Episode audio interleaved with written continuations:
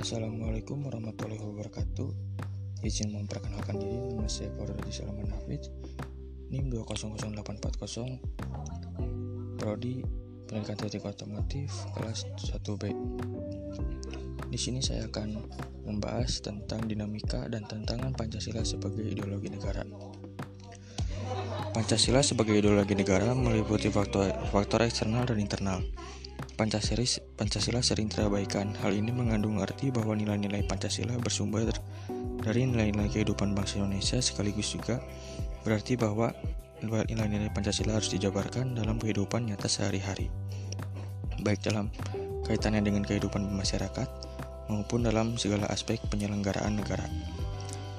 Hal ini berarti bahwa nilai-nilai Pancasila mengandung adanya unsur yang dicapai sehingga menimbulkan harapan dan optimisme serta serta mampu menggugah motivasi untuk mewujudkan cita-cita. Dengan demikian, Pancasila sebagai ideologi bersifat terbuka karena bersifat demokrasi, demokratis dan mengandung dinamika internal yang mengundang dan merangsang warga negara yang meyakini yang meyakininya untuk mengembangkan pemikiran norma-norma penuntun yang lebih jelas, baik dalam bentuk persuasif imbauan maupun penjabaran nilai-nilai Pancasila. Ke dalam produk hukum yang memberikan rambu yang jelas dan hukuman yang setimpal bagi pelanggarannya bagi pelanggarnya. Ideologi, ideologi negara sebagai penolakan terhadap nilai-nilai yang tidak sesuai dengan sila-sila Pancasila.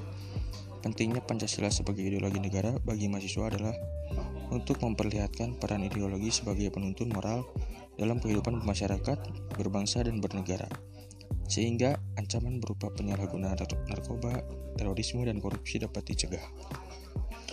Di samping itu, Pancasila sebagai ideologi negara pada hakikatnya mengandung dimensi realitas, idealitas, dan fleksibilitas yang memuat nilai-nilai dasar, cita-cita, dan keterbukaan, sehingga mahasiswa mampu menerima kedudukan Pancasila secara akademis.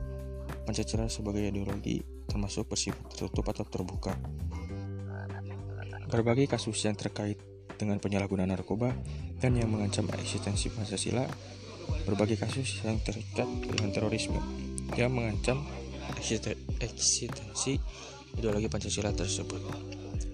Sekian podcast saya, saya akhiri.